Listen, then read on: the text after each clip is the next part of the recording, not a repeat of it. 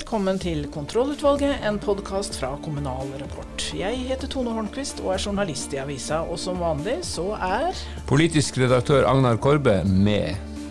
Det er du. Og først ute i dag er venstrepolitiker og regionreformens far, André Skjelstad. Vi skal snakke om sammenslåing og skilsmisser og fremtida for fylkeskommunen.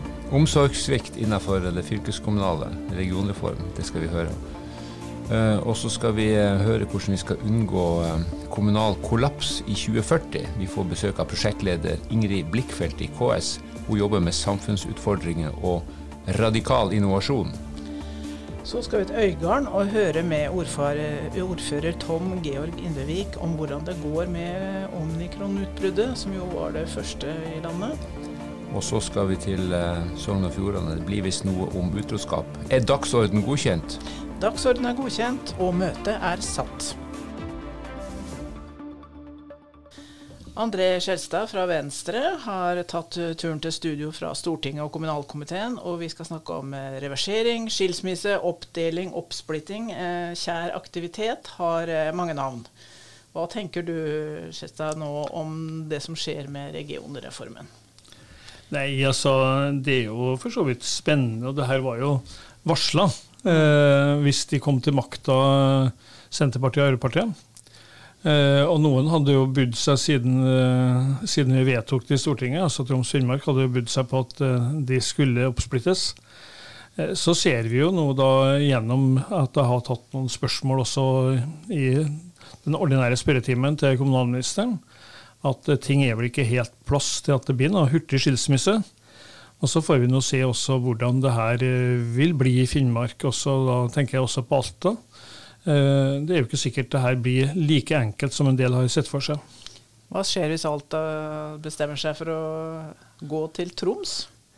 Ja, altså det her er jo et, er jo et spennende opplegg i forhold til hele dynamikken rundt Troms og Finnmark. For da vil jo 25 000, 20 25 000 gå ut av et fylke, et ordinært fylke som var utgangspunktet 75 før, før de ble en del av Troms og Finnmark. Og da vil det være igjen røftlig 40 45 000.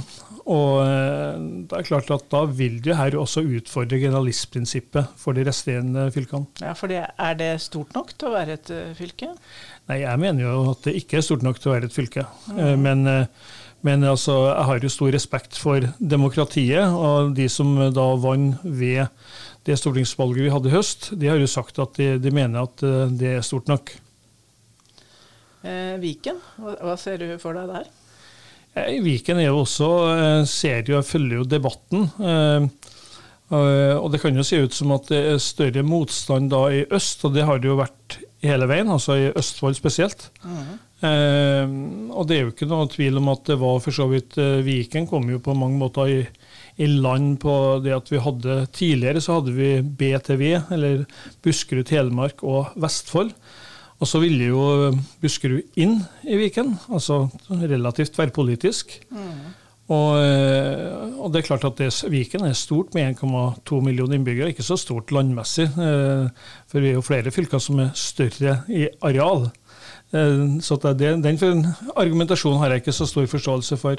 Men altså det, jeg ser jo det at det er uenighet internt i et av de styrende partiene i Viken, altså Arbeiderpartiet. Mm. Det er uenighet på flere, så det, den tror jeg er litt mer uavklart. Og så tror jeg nok at mange eh, som har med Viken å gjøre, sier at det her er noen fordeler som ikke nødvendigvis blir like enkle hvis du splitter opp Viken. Jeg tenker da på samferdsel, kollektiv osv. Du blir jo sett på som arkitekten bak reformen, regionreformen. Regionreformens far blir du også kalt. Hva, hva var tanken bak den strukturen vi, vi, ser nå? Hovedtanken på strukturen med å få færre eh, fylker, om vi skal kalle det, eller færre regioner, er jo at du kan også overføre mer makt. Også noe av den makta prøvde vi å overføre. Noe ville jo ikke regionene dessverre ha. Men hele, hele målsettingen er å føre makt nedover mot nærmest mulig der befolkningen er. Og Det var jo også grunnlaget den gangen også Senterpartiet var for uh, eksempelvis regionreformen med Åslaug Haga. Uh, så er jo det et Jeg mener jo at dette er en del av sentrumspolitikken sin dyd, med å ønske å ha makta nærmest mulig innbyggerne. Så har det jo skapt at det her har blitt, i hvert fall fra motstanderne av det, at det her er lengre fra folk. Det, det er feil. Men, eh, men altså, det er klart at jeg har jo respekt for at noen mener noe annet enn det jeg gjør. Jeg er jo opptatt over at du får da minst mulig stat, men nærmest mulig befolkningen. Men syns du det fungerer bra, altså med Viken og, og Troms og Finnmark? Altså, mye av det ta, ta, ta, Viken, ting må jo gå seg til. Det, det, det vet vi jo. Eh, så hadde jeg selvfølgelig ønska hatt flere oppgaver i den porteføljen. Eh, det er jo ikke den minste tvil om, og det var jo utgangspunktet. Eh, så er nå det oppgaven det, men jeg syns jo det er en god start. Og vi har jo hørt på en del uavhengige kommentatorer. Jeg var jo nede i, på lignende opplegg under Arendalsuka, der bl.a. professor Terje Hagen var med. og Han kaller det også en god start. Så ønsker jo alle mer. Ja, ønsker du f.eks. færre fylkeskommuner enn det vi har nå? Så? Ja, altså Nå har vi nå det vi har nå. Mm. Eh, men, men altså utgangspunktet mitt er nok ganske likt som det Åslaug Haga og Ola Borten Moe hadde i 2007-2008, altså 7. Eh, men det betinger også at du hadde overført og hadde vært villig til å overføre enda tyngre oppgaver. Som hva da? Ja, Helseforetakene syns jeg hadde vært en naturlig del av regionene. Og det har jeg ment hele tida. Da sier vi takk til deg, André Skjelte.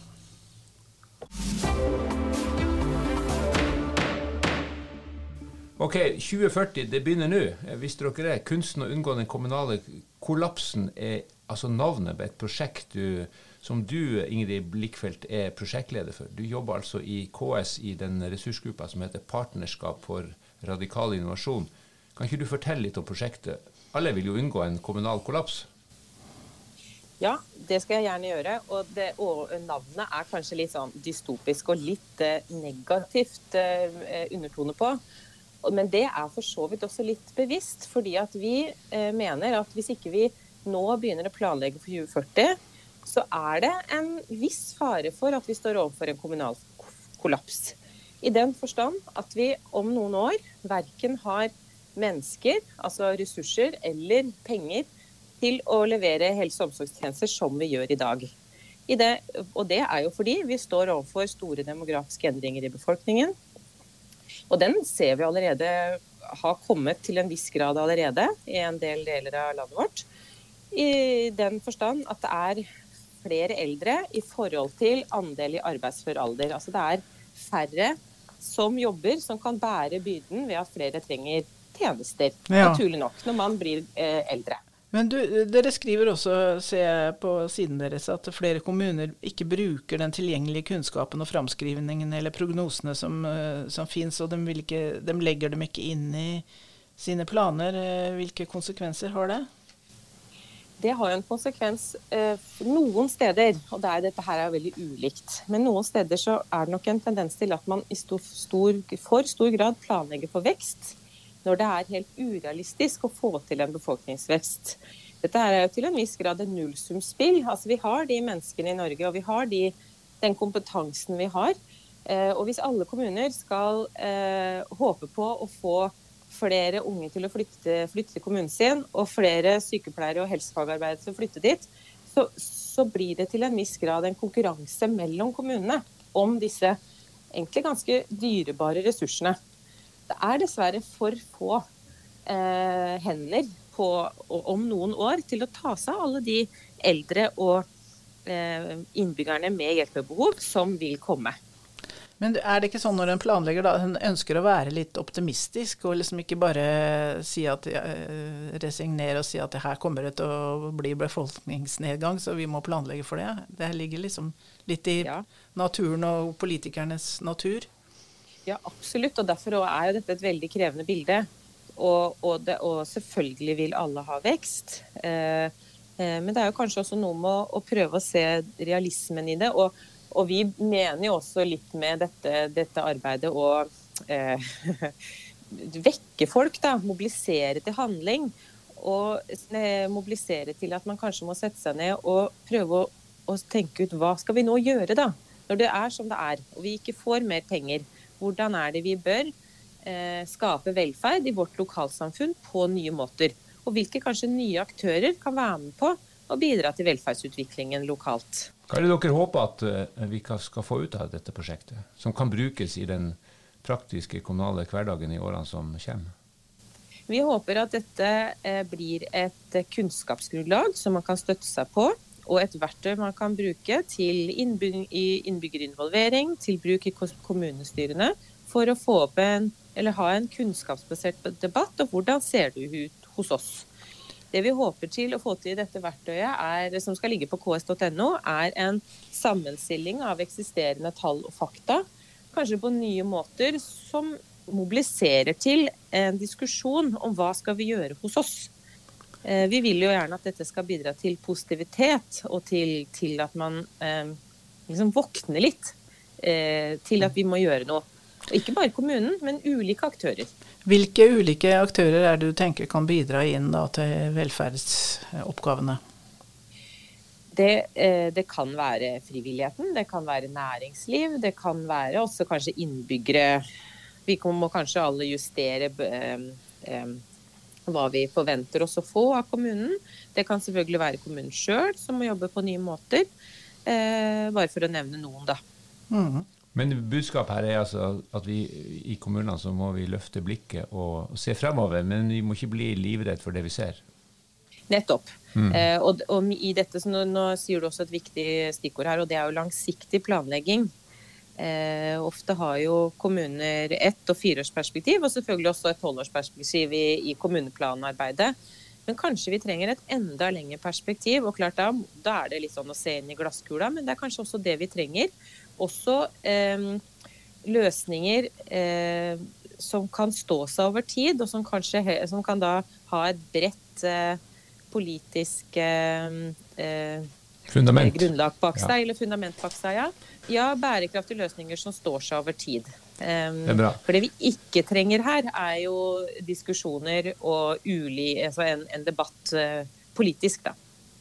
Nei, men noen uh, politiske konflikter ligger det jo i dette her. Men det, vet du hva, det skal vi komme tilbake til. Prosjektet er i startgropa. Vi kommer til å følge det og, og er spent på resultatet. Men Ingrid, takk skal du ha for at du bidro.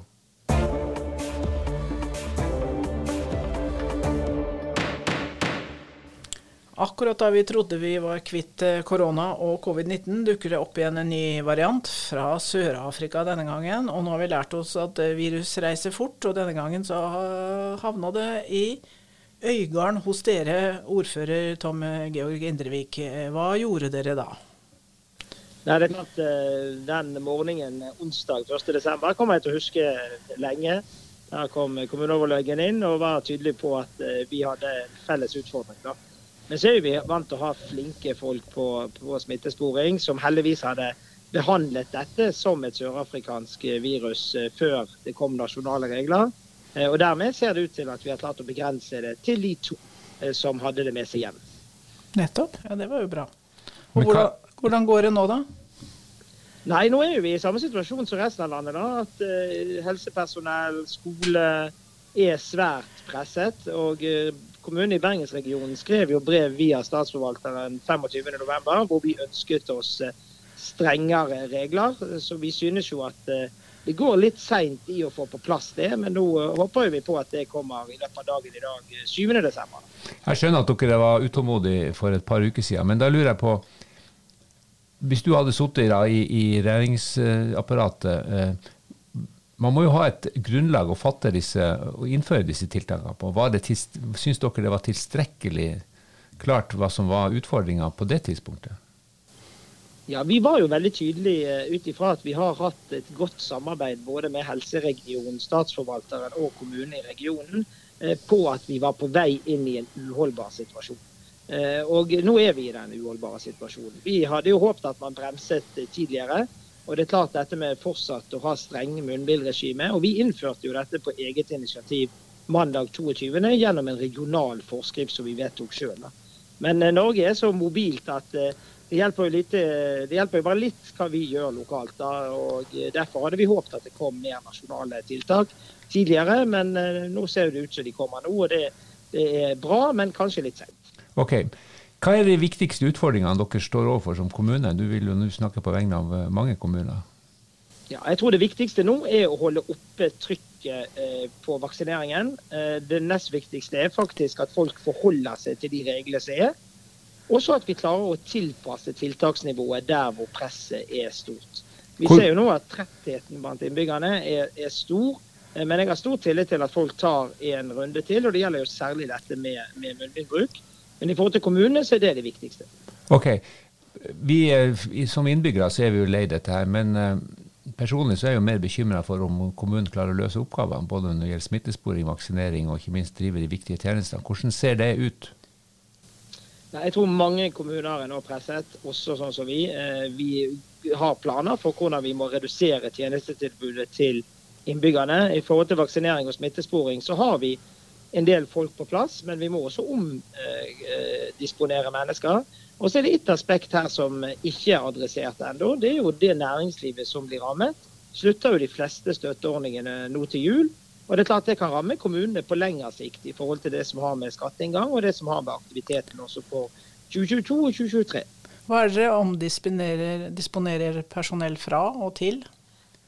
Nei, Vi omdisponerer til vaksinering særlig. da. Det har vi gjort i en periode. Men det gjelder jo eh, alt eh, støtteapparatet til en operasjon. Vi kan jo eh, vaksinere opptil 1300 om dagen når vi har fullt trykk i den store Sotra Arena. Men det medfører jo både trafikkdirigering, registrering, veiledning. Og Der har vi ansatt egne personell, men i tillegg omdisponerer vi mennesker både fra servicetog, fra vaktmestertjenester, for å dra i hop dette. Og Det er vi forberedt på også å gjøre inn i neste år. Men ikke helse til helsesøstrene. Helsesykepleier, Ja. Helsesykepleier heter det nå. Ja. Vi, vi, ja, vi har nok gjort det tidligere. Ja. Eh, og Så kan vi være at vi kommer i en ny situasjon vi må gjøre det. Hvis tempoet i vaksineringen skal opp Nå skal jo kommunene sette 400 000 doser. For oss betyr det ca. 2000 doser fra, fra januar av hver eneste uke. Og det er klart at det, det medfører at det vil gå utover andre tjenester, dessverre. Du, eh, du har, din bakgrunn er jo Høyre. Eh, Svar kort på dette. Er det lettere for deg å kritisere en eh, helseminister fra Arbeiderpartiet enn det var å kritisere en helseminister fra Høyre? Nei, jeg tror at jeg kritiserte de begge, og det vet folk som har fulgt med i media.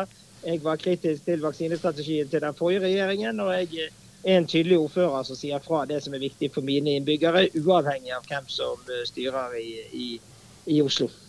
Ok, men Tom Gaug Indrevik, takk skal du ha.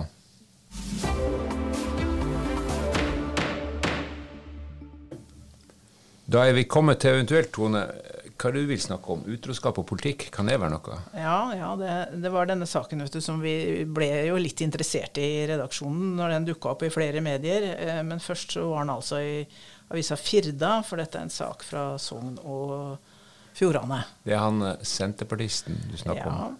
altså, han er jo ikke senterpartist lenger, da, for han ble jo ekskludert fra partiet for å ha svekket partiets omdømme. Og saken er altså denne. En gift lokalpolitiker har seks damer på si. Og disse damene finner hverandre og skriver et eh, varslerbrev til kommunestyrer, venner, bekjente og alle hans 700 bekjentskaper på Facebook. Så da- Det høres eh, tøft ut. ja, det var nok det. Han sier sjøl at det er en heksejakt, for han har ikke gjort noe ulovlig. Alt var frivillig, men han innrømmer løgn, bedrag og seksuell umoral.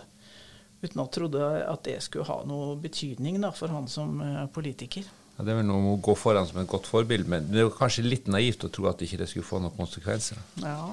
Tror du det hadde fått eh, samme følge, følge i andre partier? Det vet jeg ikke. Det vil jeg helst ikke ha noen tanker om. Altså. Dette var så omfattende. Altså. Kanskje, ikke, kanskje ikke Frp? Nei. Kanskje ikke I Høyre, kanskje ville de vært litt mer diskré, og ikke hatt alle i samme bygda? Mer Vi sånn Jeg vet ikke. Jeg vet ikke. Jeg vet ikke. En på hver golfbane, f.eks. Men altså, denne mannen han eh, sier jo til Firda at uh, det er mange politikere som har svin på skogen, som nå bør se seg over uh, skuldra. Ok, det har han rett i. Her er det mange som lever farlig. Det er nok det. Da tror jeg vi avslutter eh, her, og så hever vi møtet. Og så høres vi neste uke til årets siste podkast.